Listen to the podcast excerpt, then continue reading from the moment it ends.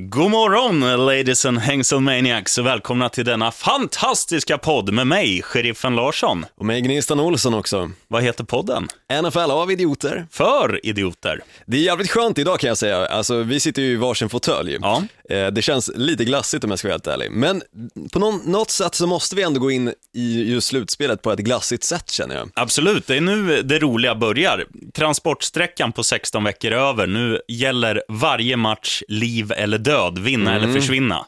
Det var ju lite liv eller död förra veckan också. Till exempel, jag tänker Jets-matchen, eh, då de faktiskt tors- torskade mot Bills. Ja, de Vilket- hade allt i egna händer, var tvungna bara att liksom defilera, slå Buffalo Bills, som inte hade något att spela för. Men Rex Ryan, tidigare Jets-coachen, han satte käppar i hjulen för sitt gamla lag och de gick inte till slutspel. Det gjorde dock Pittsburgh istället. Precis, och jag blev väldigt förvånad för att eh, Fitzpatrick, som jag hyllade då i förra podcasten, förra avsnittet, eh, han spelar ju absolut inte alls på samma nivå som han har legat på tidigare, utan eh, han var ju nästan tillbaka på den här nivån som han var på i början av säsongen när de ändå förlorade mycket matcher. Ja. De vann ju ändå fem matcher på raken och sen torskade de mot Bills. Ja, när Tråkigt. det gällde som mest. Och det var ganska så signifikativt, säger man, det sista som hände, att han kastade just en interception också, när, Ja, när de verkligen behövde göra en touchdown. det var, eh, nej, under all kritik säger jag. Men du, nu drar vi ett streck över det som har varit och fokuserar på det som det är dags för, slutspelet. Det tycker jag. Pass out of the backfield, right? Bozzy Whitaker back toward the middle of the field to the 40, the 35, breaking tackles. It's got potential. 20, left side, 15, 10, 5, touchdown. Yes, då eh, var signaturmelodin avstökad och det är alltid skönt när tekniken flyter. Mm, det kommer bli lite annorlunda avsnitt just det här avsnittet i och med att vi går in nu i slutspelsveckorna. Eh, i, på så sätt att det är inte så många matcher som spelas, det är ju bara fyra stycken nu i helgen till exempel. Ja, det är själva wildcard-matcherna kan man säga. Och, ja, vi, ska, vi ska ge er alla förutsättningar, men vi ska testa vår, vår första lilla, ja, vad heter det? Vår lilla snabbknapp nu och se om det här flyger. Får se. Det är dags för match nummer Det gick. Fan vad bra. Fan, det stort. lät- lät ju snyggt Ja, riktigt sexigt. Du, första matchen då, som eh, spelas lördag kväll. Eh, Det är då Houston Texans hemma mot Kansas City Chiefs. Precis, och Texans är ju underdogs i den matchen, vilket är förståeligt ändå. Ja, det, var ju, det är en, en bragd bara att de har tagit sig till slutspel. Ja. Eh, lite konstigt kan det ju kännas att Houston spelar hemma, men de gör ju det i form av att de har vunnit sin division.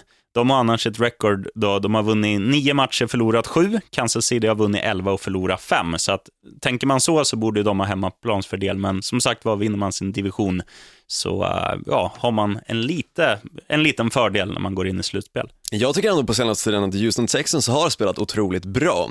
Eh, förvånansvärt, alltså förvånansvärt bra. Eh, samtidigt som egentligen Kansas City Chiefs har ju legat på en otroligt bra nivå. Eh, verkligen ett sånt lag som den här säsongen har alltså presterat över all förväntan. Absolut, framförallt Och- med skadorna de har åkt på också på Jamal Charles som vi har nämnt eh, åtaliga tillfällen. Precis, och sen de står ju inte med en av de absolut mest alltså namn, eh, kunniga, eller vad ska man säga, kalla det. Ja, det är ingen profilstark quarterback, Alex Smith, men är ju, han är ju ja, grymt stabil. De, de sa ju det tidigare under hans karriär, han var ju känd för att sällan göra misstag, men samtidigt att han aldrig gör så här liksom, glassiga highlight-spel, utan han passar, han passar bollen de 10 yards som de behöver ta och sen då har han gjort sitt jobb, så gör han det tio gånger så är de inne i en zone. Liksom. Fast jag tycker ändå på den alltså senaste säsongen, nu, jag har kollat en hel del på Kansas City Chiefs just, så tycker jag ändå att han har visat att han, är- han är ju väldigt rörlig. Han kan ju både springa med bollen och passa otroligt bra. Eh, och det tror jag kommer att göra att eh, Kansas City Chiefs kommer vinna den här matchen mot Houston Texans. För sig, Houston Texans har ett väldigt bra defensivt lag. Mm. De har ju fått igång offensiven nu på slutet också, Texans. De har ju vunnit, det har varit mot skitlag ändå. Det har varit mot, om det är Tennessee Titans och Jacksonville Jaguars två senaste veckorna, men de har bara släppt in 12 poäng på de två matcherna. Och eh, dessutom gjort över 70. Det är otroligt bra. Det är riktigt vasst. Ja, framförallt, eh, alltså de börjar ju säsongen med att förlora, helt enkelt. Allt. Efter, efter att ha sett på Hard Knocks-serien så tänkte jag liksom så här, fan, Houston Texans kan vara ett sånt lag som kan gå väldigt långt, till och med kanske till slutspel. Sen när säsongen väl drog igång så kände jag att allt hopp var över. De kommer, de kommer ligga där någonstans i mitten. Men nu på slutet, tack vare i och för sig ska jag säga, en väldigt dålig division, så har de gått till slutspel. Ja, absolut. De har ju till exempel Indianapolis Colts i samma division som de själva spelar i. Och hade Colts kanske inte gått med alla skador som de gjort hela säsongen så tror jag faktiskt att Colts hade kunnat se till att ta, till, ta sig till ett slutspel och då hade inte Houston Texans varit där. Nej, det har du en liten pinne på. Men om vi säger så här då, vad tror vi om den här matchen? Jag, jag tror på Houston. Jag, jag tycker de är coola. Alltså stark defensiv, sen har de DeAndre Hopkins som har fått igång deras offensiv, alltså den wide receiver som har varit briljant den här säsongen. Ja, alltså jag vill tro på underdogen. Det är alltid roligt att heja på de som är minst tippade, men samtidigt, jag tror alltså Kansas City Chiefs har, de är för bra just nu. Jag tror de står på 10 wins, alltså raka vinster. Ja. Eh, och jag tror att de kommer vinna den här matchen också. Eh, de, det är ett sånt lag som jag tror faktiskt kan ta sig till slutspel. Eller vad säger jag, till eh, Super Bowl? Nej, det, det tror inte jag. Jo, men på, på senaste tiden, alltså, när jag kollar till exempel senaste matchen som de spelade, då såg de så otroligt starka ut. Redan liksom efter Eh, de två första drivesen var otroligt snabba och båda gav eh, varsin touchdown. Mm. Ja, men vi klubbar där då. Jag tror Texans, Gnistan tror Chiefs. Så mm. går vi in på match nummer två. Och här är en intressant match. Det är Cincinnati Bengals som spelar hemma mot Pittsburgh Steelers. Ett lag som vi sa för en vecka sedan, Pittsburgh är inte värda att vara i slutspel. Men nu Nej. är de i slutspel. Tack vare att Jets förlorade deras match. Mm. Jag tycker fortfarande inte att de är värda att vara där. De men, har inte spelat speciellt bra. Men när vi satt och åt pizza tidigare så sa du, Pittsburgh kommer vinna. Ja, av en enda anledning och det är ju för att varenda gång, jag tror det är de senaste åtta åren, så har Cincinnati Bengals förlorat deras slutspelsmatcher. Ja. De går aldrig vidare i slutspel. Nej, de, de har... spelar slutspel, men de kommer aldrig längre än så. Men nu kan det vara en liten curse som bryts, för att Andy Dalton är ju enligt eh, de flesta källor inte aktuell för att spela den här matchen. Deras absolut bästa spelare, deras quarterback, som eh, som är väldigt bra under grundserien, men under slutspelet blir, eh, ja, förtrollad till en låda kattsand eller något. Men, så nu kommer de ju starta med sin backup quarterback. McCarron. Och jag tror ändå att det här kan vara en, en fördel för Houston, eller, eller Houston, för Cincinnati. För att då blir det lite så här omvänd psykologi, att de har, nu har de den här jävla cursen som har legat över dem åtta år. Alltså Marvin Lewis, deras tränare, han fan inte vunnit en slutspelsmatch. Andy Dalton har inte gjort det. Nu är Dalton borta i den här, mm. då kanske det blir så här att ja, men nu, måste vi, nu måste vi steppa upp och visa att, eh, att det kanske är Andy Dalton som är spöket. Så att de Nej. andra spelarna, Sanu och alla fina AJ Green och de här fixar biffen. Vet du. Jag tror inte på det där. Alltså jag, jag tycker, även fast jag sa förra veckan och fortfarande håller med om det, att Pittsburgh Steelers är ett sånt lag som jag inte tycker förtjänar ska vara i slutspel, så tror jag ändå att de kommer vinna den matchen.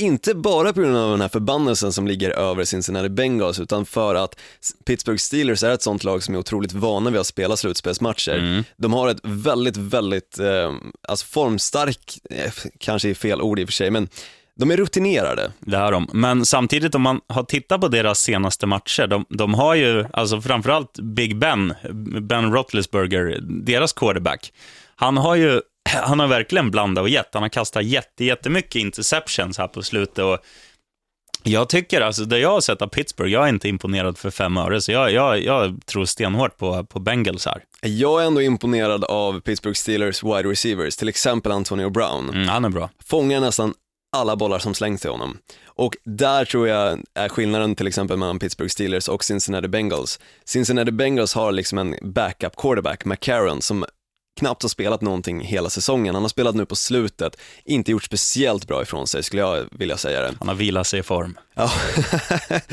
och sen har vi då Pittsburgh Steelers, otroligt rutinerat lag, har vunnit Super Bowl bara för några år sedan. Eh, brukar alltid ta sig till slutspel och nästan, eh, off, som oftast, åtminstone vinna antingen wildcard-matchen eller div divisional round. Eh, de tar sig väldigt långt och jag, som sagt, jag tror att de kommer fixa det i år, i år igen. Med tanke på att de möter Cincinnati Bengals Ja, men vad fan, en jävla stålstan Pittsburgh, den har börjat rosta nu, vet du, Olsson. Jag tror inte det. Vi går vidare till nästa. Vi Rostfritt säger, stål. Jag säger Bengals, du säger Steelers, vet du. Får vi se när vi summerar vem som är bäst. Match tre då. Den här tycker jag är intressant för att de här möttes ju i vecka 13. Vi snackar Minnesota Vikings hemma mot Seattle Seahawks. Stämmer, och eh, i den matchen då blev det 38-7 till Seattle Seahawks. Helt sinnessjukt. Mm. Och, och det var ju så här, Seattle hade ju, då kändes det, i och med den matchen, som att de kom igång. Sen gjorde de något riktigt magplask, förlorade hemma mot St. Louis Rams för att sen i förra veckan slå ett av ligans absolut bästa lag, Arizona Cardinals, på bortaplan med, vad blev det nu, 36-6 eller något i den stilen. Ja, det var helt, helt sjuka siffror i alla fall. Jag trodde aldrig att det skulle hända. Jag trodde verkligen på Arizona Cardinals med tanke på hur starka de såg ut nu, ja, förra matchen de spelade mot Green Bay Packers. Mm. Och så spöar eh, Seattle Seahawks dem. Seattle Seahawks har verkligen kommit tillbaka, de har hittat den här formen som de hade förra året och förra, förra året. Ja, har ju vunnit Super Bowl för två år sedan och förlorade eh, i fjol på eh, ja, en klantig grej bara. Det var en, ja, de passade istället för att springa in bollen i mål. Därför Ja. vann ju England Patriots i fjol.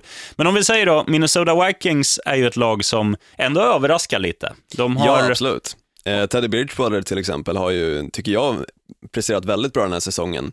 23 år gammal är han bara och dessutom så har de ju en otroligt bra running back också. Mm. Och det är ju han, Ad- Adrian Peterson vi snackar om, running Precis. backen. Han är, han är egentligen halva laget och vi, visst skulle han kunna vinna den här matchen åt Minnesota. Men jag tror att sin, eh, ehm, Seattle har ju ett, ett försvar som är liksom beryktat som att vara ett av de både svåraste att möta och ett av de absolut bästa. Och nu när de verkligen går in i en sån här vinna eller försvinna match, då tror jag att de kommer lägga extremt mycket krut på att plocka ner Adrian Peterson och då kommer eh, Vikings få det jättesvårt. Det var ju det de vann förra matchen på, att just eh, stoppa Adrian Peterson. Mm. För att jag tror han sprang totalt sett 18 yards i hela matchen. Och då snackar vi ändå om en av ligans absolut bästa running backs, ehm, som inte kommer någon vart. Mm. Ja, vad kan han snitta under en vanlig match? 120 kanske? Jag tippar på något sånt. Eh, Det är åt, åtminstone jävligt bra. Mm. Ja. Eh, Men som sagt mot Seattle Seahawks, de vet ju exakt vilken människa de ska stoppa och i och med att det är i just Minnesota Vikings är nästan bara en person de behöver stoppa och Ja. tänka mest på, då är det klart som fan att de kommer göra det. Men är vi överens för en gångs skull? då? Vi säger Seattle Seahawks vinner. Absolut, jag är, jag är med dig där. Första gången idag. Ja, det är fint. Men man ska inte tycka lika om allt. Vet du. Nej, verkligen inte. Nej, men jag tror verkligen, med tanke på hur bra eh, Seattle Seahawks har spelat nu på senaste tiden så tror jag verkligen de kommer vinna mot Minnesota Vikings. Klubbar vi det.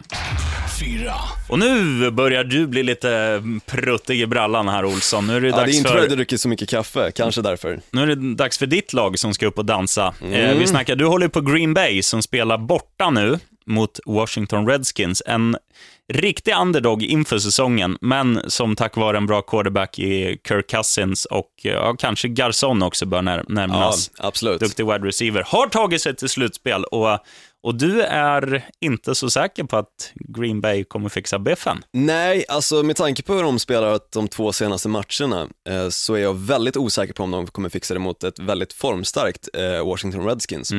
Eh, det känns väldigt, väldigt osäkert alltihopa egentligen. Med tanke på att Green Bay har egentligen ingen wide receiver just nu som Aaron Rodgers kan passa till och känna sig trygg med. Nej. Eh, och det är det som gör att Green Bays spel har på senaste tiden sett väldigt, väldigt knackigt ut. En grej som jag tänker på nu när jag tittar på matcherna bara, med tanke på att Minnesota, som besegrade Green Bay förra veckan, liksom, de, de slog som vilka som skulle vinna divisionen, stod på samma, samma eh, antal vinster. Eh, de fick ju nu Seattle. Det alltså, kan det vara så att Green Bay förlorar med flit för att istället få Washington Redskins? Jag vet inte, alltså hade jag varit Green Bay så hade jag nästan gjort det. Med tanke på att, mm, ja, som jag var inne på, Seattle Seahawks är så otroligt bra nu i slutet på säsongen.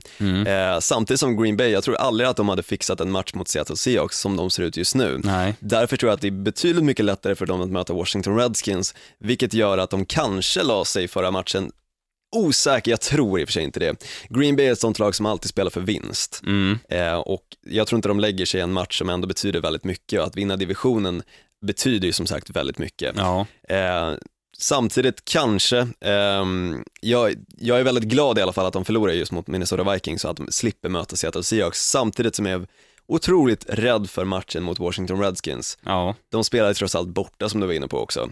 Eh, så jag tror, jag är osäker på den matchen men jag tror tyvärr, om jag ska vara 100% ärlig mot mig själv, att Washington kommer ta hem den. Vad skönt, för då tycker vi olika. Du tror på Green Bay. Ja.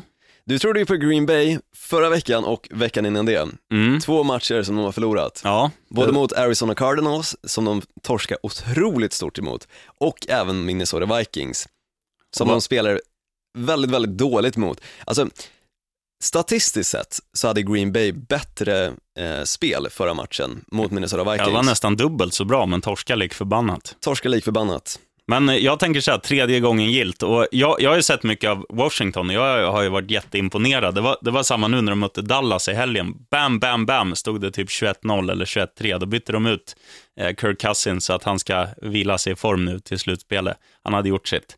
Och, ja, alltså de, de behöver ju liksom inte, de behövde inte mer än så, nej, om man säger så. Men jag, jag tänker också lite så här att nu, eh, också det här med rutin. Alltså, Redskins har ju ett mycket mer orutinerat lag. Green Bay, de viktigaste spelarna, både om man tittar försvaret, Julius Peppers, Clay Matthews, offensiven Aaron Rodgers, eh, running back Eddie Lacy. Visst, han har inga wide receivers som man känner sig trygg att passa, men det är ändå så här, nu ska de nu ska, nu ska de gneta. Nu räcker det med att vinna med så här. De kan ju vinna med, ja, vad vet jag, 7-6, så går de ju ändå vidare. Eddie, så är det ju. Eddie Lacy, Eddie Lacy tar de yardsen som behövs. Aaron Rodgers mm. fixar så att klockan går i den takt Green Bay vill och sådär. Så jag, jag tror de fixar det. Alltså Green Bay är ju för sig ett sånt lag som alltid levererar väldigt bra under press. Eh, det är ju bara att kolla förra säsongen till exempel när de mötte då Seattle Seahawks i slutspel. Mm. Eh, Aaron Rodgers var skadad, han haltade hela matchen, lyckades ändå se till så att ehm, ja, Seattle Seahawks egentligen bara vann på en dålig onside kick från Green Bay Packers sida. Ja.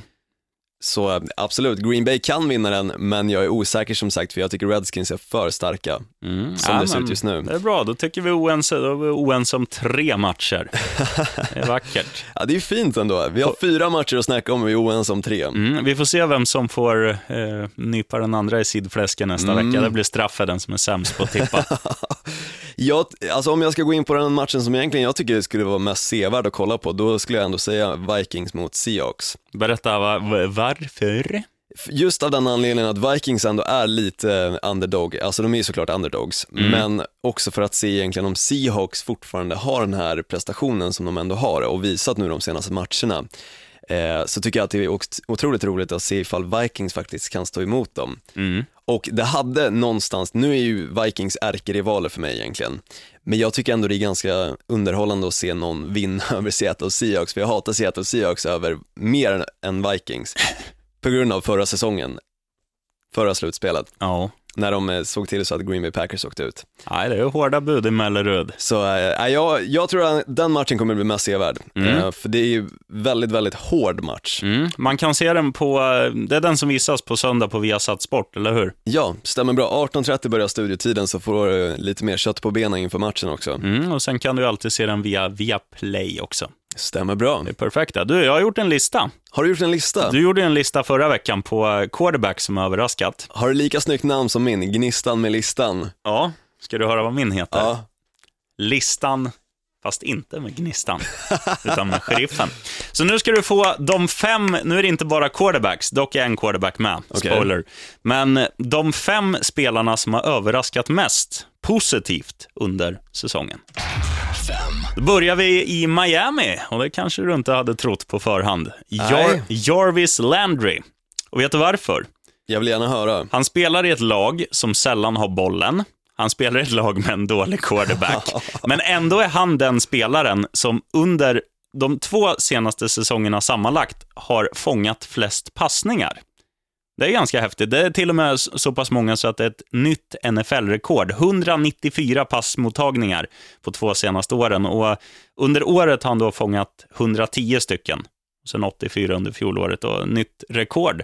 Det tycker jag är lite ballt. Och vet du vem som är tvåa i den här ligan? Nej, vem är det? Odell Beckham Jr. Som... Det är ju väldigt stort alltså. Om man tänker på hur Miami Dolphins har spelat den här säsongen, mm. så tror jag absolut inte att de skulle ha en så bra spelare med sig. Och även om man tittar, liksom på, man tittar på New York Giants, då, där Odell Beckham Jr spelar, han får ju, varenda passning går ju till honom. Ja, absolut. Och att, att han har kommit upp i 187 receptions då på, på två år och Landry 194, tycker jag gör att man kvalar in, även fast man spelar ett skitlag. det är ju det, Miami Dolphins alltså. Vi fortsätter med skitlag. Fyra. Och då går vi till Buffalo Bills, där de gjorde en riktig monster-trade inför säsongen. De tog dit LeSean McCoy, en av ligans bästa running backs när han var i Philadelphia Eagles, så han har ju varit pissblöt under säsongen. Så att den som är med istället, det är den som har liksom blivit nya LeSean McCoy, rookien Carlos Williams, running back. Och då kan man titta på lite olika fakta här. Om vi börjar med LeSean McCoy då, som har tänkt att vara den tongivande spelaren.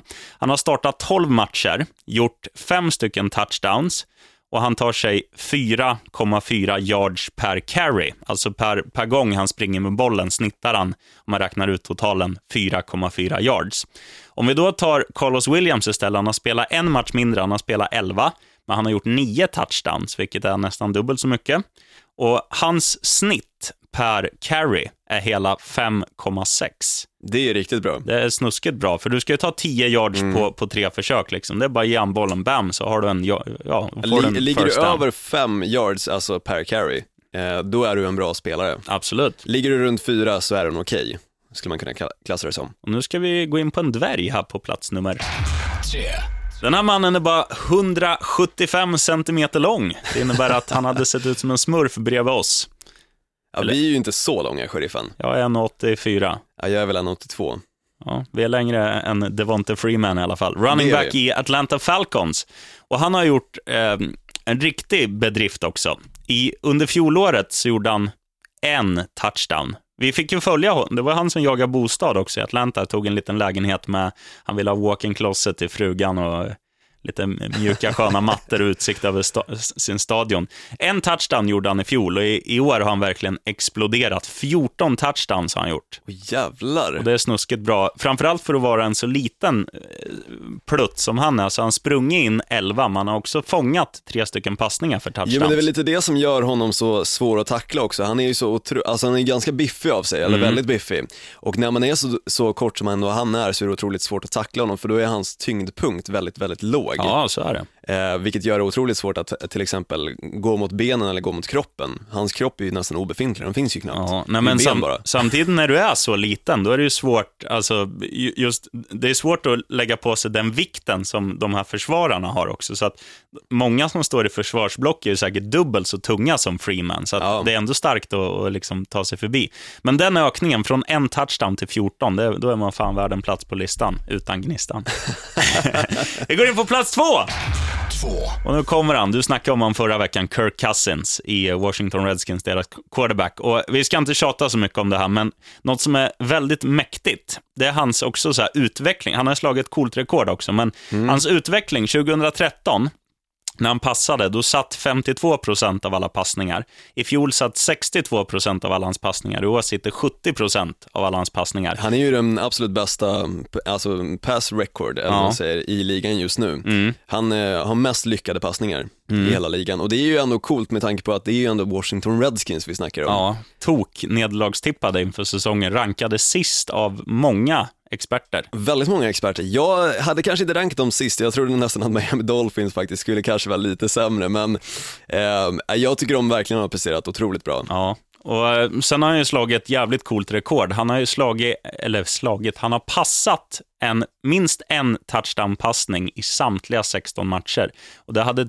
tidigare inte hänt i eh, Redskins historia. Det är ju inte konstigt i och för sig. Jo, det är, kom, det är ett lag som har funnits hur länge som jo, helst. jo, jo, absolut, men det har aldrig varit ett lag som har varit eh, superbra. Nej, Alltså, men ändå, du, du spelar ju, det är ju, det är ju ändå, okej att man alltid har någon liten plump i protokollet under en säsong, men man tänker ändå att, ja, det borde ju kunna ha hänt, liksom. Det, men ja, det, i och för sig, alltså på så lång tid som ändå Washington Redskins har funnits på ett sätt, ja. Samtidigt så, alltså jag tycker ändå att Washington Redskins är ett sånt lag som alltid ska ligga längst bak i divisionerna. Mm. Ja, ändå stort. 29 touchdown-passningar under året och vi får se hur många det blir nu i helgen. kör vi första platsen. Och här har vi då en lirare som vi också har snackat om tidigare, mest för hans klädstil. Vet du vem Ah. jag syftar på? Mm. Jag har koll på det. Eh, Jag tror du snackar om, eh, det är också Atlanta Falcons. Nej, det är DeAndre Hopkins i Houston Texans. Thank you. Och då är det ju så här, inför den här säsongen, Houston var med i eh, Hard Knocks, det såg alla. Sen gick deras absolut bästa spelare offensivt, eller viktigaste spelare, kanske inte bästa, men viktigaste, Adrian, Adrian Foster, deras running back, gick sönder. De hade ingen quarterback som kunde passa när säsongen började. Man testade med Hoyer, man testade med Mallet och man slutade med, vad heter han som är nu, Whedon va? Whedon, tidigare Dallas Cowboys. Ja, och det har ju varit alltså, ja, skitdåliga quarterbacks och ändå har eh, DeAndre Hopkins då gjort, eh, han har gjort hur mycket som helst. Han har gjort 11 touchdowns, han har tagit emot 111 passningar, det är en mer då än, än Jarvis Landry som jag eh, nämnde i början. Och eh, han har då fångat bollar för 1521 yards. Det är ett bra snitt. Det är nästan Det är alltså riktigt 100 bra. yards per match om du räknar ut det på 16 matcher. Det är ju riktigt bra med tanke på eh, hur de ändå har sett ut under säsongen, men samtidigt så är det väl så just att Hopkins är en sån person som vilken quarterback som helst kan passa till Mm. och han kommer fånga bollen.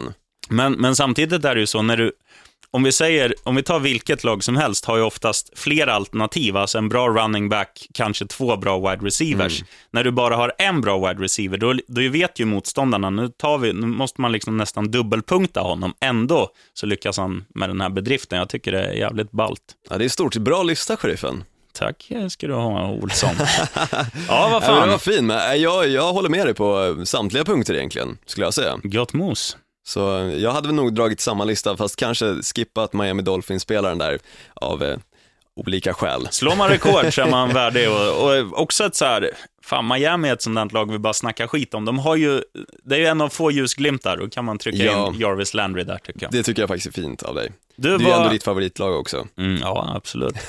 Du, om vi bara tar lite så, om du får välja en av slutspelsmatcherna nu, som du själv ska lassa in lite stålars på, vad, vad, skulle, du, vad skulle du ta då? Oj, eh, jag skulle nog ändå ta den matchen som jag var inne på, eh, Minnesota Vikings som möter då Seattle Seahawks. Eh, just för att jag tycker den kommer bli så pass underhållande och slänger du in ytterligare pengar på den då, så kommer den bli ännu mer underhållande. Eh, så jag skulle säga Minnesota Vikings mot Seattle Seahawks och i så fall slänga in pengarna på Seattle Seahawks för de är för vassa för att förlora. Ja, ja jag, eh, jag köper det. Jag säger, jag säger min rensare, det är ändå två och en halv gånger pengarna. Vet du. All in på Houston Texans. Ja, men du, ska vi, eh, ska vi summera med att eh, kanske, även fast vi sitter så skönt i våra fåtöljer, eh, resa på oss och göra som traditionen kräver. Jag reser mig mentalt för att jag kommer sitta kvar här tills efter söndag, söndagsmatchen Och jag och, som njuta Och jag av mina vinster. jävla träningsverk. Vet du. Jag var på gymmet med målaren i två timmar igår. Första enda gången i år som jag ska gymma. Det Men- roliga var att du inte ens var svettig. Det finns en film på din eh, Instagram. Den tog, Eh, jag, i- den tog jag direkt när jag kom dit. Ah, jag förstår. Men kolla på den om du vill. Bandit understreck sheriffen på, på Instagram. Vet du. Mm, du såg inte ens svettig ut som sagt. Jag blir aldrig svettig. Nej. Men du, vi kör då. Ett, två, tre. Touchdown! Lurad.